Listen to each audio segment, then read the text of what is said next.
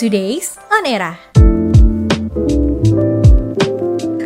Mania, selamat datang kembali di Today's On Era bersama gue Alma Era Mania, kira-kira ada apa nih yang baru di tanggal 11 Februari 2022? Langsung aja ya, kita ke berita pertama Jadi sejumlah pembalap MotoGP yang telah tiba di Lombok NTB untuk menjalankan tes pramusim di sirkuit Mandalika mencuri perhatian netizen nih. Gimana enggak? Nih gue kasih contoh ya. Pembalap tim Aprilia Alex Espargaro membagikan foto naik motor bertiga di akun Twitternya. Mana captionnya kocak banget nih Ramania. The power of emak-emak MotoGP style. Udah hafal banget ya sama mama di Indonesia Yang kadang bisa sampai boncengin empat anaknya nih.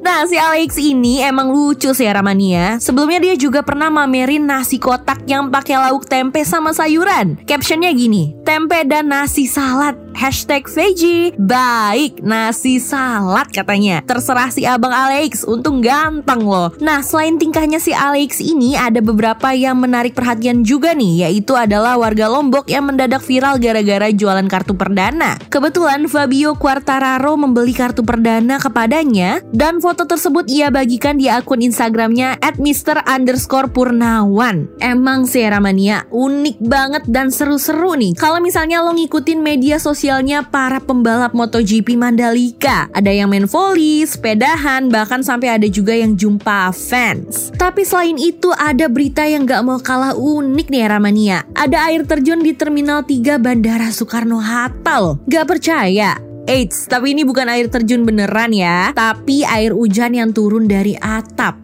Kok bisa ya? Dilansir dari Voi.id, pihak pengelola Bandara Udara PT Angkasa Pura II membenarkan hal ini. Menurutnya, hal ini terjadi pada tanggal 9 Februari lalu karena terjadi hujan deras dan angin kencang. Nah, akhirnya karena kejadian ini ada gangguan di satu titik atap area boarding launch Gate 7 Terminal 3 Bandara Soekarno-Hatta. Nah, akhirnya usai ada gangguan ini, area pun akhirnya dikosongin untuk memudahkan perbaikan era mania. Nah, tapi nih video bocornya atap Terminal 3 Bandara Soekarno-Hatta udah terlanjur viral. Video tersebut dibagikan oleh akun Twitter @jodaya underscore 56 dengan caption yang menyamakan dengan wahana air terjun di Bandara Canggih, Singapura. Netizen pun akhirnya melontarkan sejumlah kritikan untuk Bandara Soekarno-Hatta nih, khususnya di Terminal 3 Era Mania. Tapi nih Ramania, gak cuman Bandara Soekarno-Hatta aja nih yang lagi dapat kritikan. Menteri Pertahanan Prabowo juga lagi menuai kritikan nih karena jor-joran membeli 42 pesawat tempur Rafale. Bahkan kabar barunya nih, Departemen Luar Negeri Amerika Serikat udah menyetujui penjualan 36 jet tempur F-15ID loh. Wih, banyak juga ya.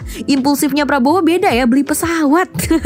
nah, sampai saat ini baru 6 unit pesawat Rafale Pele yang udah ditandatangani kontrak pembeliannya. Sementara 36 pesawat lainnya dikabarkan bakal nyusul dalam waktu deket nih Ramania. Buat lo yang belum tahu nih Ramania, Rafale ini adalah pesawat tempur serbaguna generasi ke-4,5 bermesin 2 dan bersayap Delta asal Prancis. Rafale ini dirancang sebagai pesawat berpangkalan di daratan maupun kapal induk. Akibat pembelian ini, Prabowo pun dikritik berbagai pihak nih, salah satunya dari PSI. Dalam keterangan tertulisnya, juru bicara DPP PSI Rian Ernest mempertanyakan nih pembelian pesawat tempur ini, apalagi saat ini masih dalam suasana pandemi. Kalau menurutnya sih musuh saat ini adalah virus, jadinya yang dibutuhkan saat ini adalah obat dan juga vaksin. Selain itu Eramania, ia juga meminta Prabowo untuk merilis strategi pembelian alutsista ini. Pertanyaan ini pun gak cuma dari PSI aja ternyata. Komisi 1 DPR juga bakal memanggil Prabowo untuk memberi penjelasan terkait pembelian kalian ini. Kabarnya nih ya, ada beberapa hal yang bakal ditanyain, antara lain skema pembayaran, penggunaan pesawat tempur hingga metode transfer pengetahuan. Nah tuh emang harus jelas sih. Apalagi ini pasti pengeluaran anggarannya nggak dikit Eramania Bayangin aja 42 pesawat tempur Rafale. Itu kan nggak kayak beli kuaci ya Eramania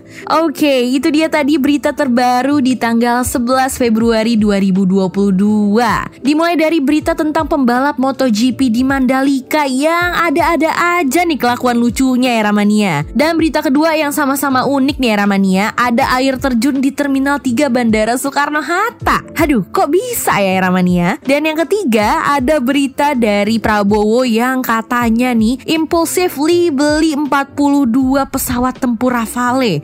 Oke, kalau misalnya lo mau tahu nih berita-berita terbaru, jangan lupa jangan ragu untuk main-main ke media sosialnya Era, era.id. That is all for today's on Era. Bye-bye Eramania. Eranya podcast. Now is the era.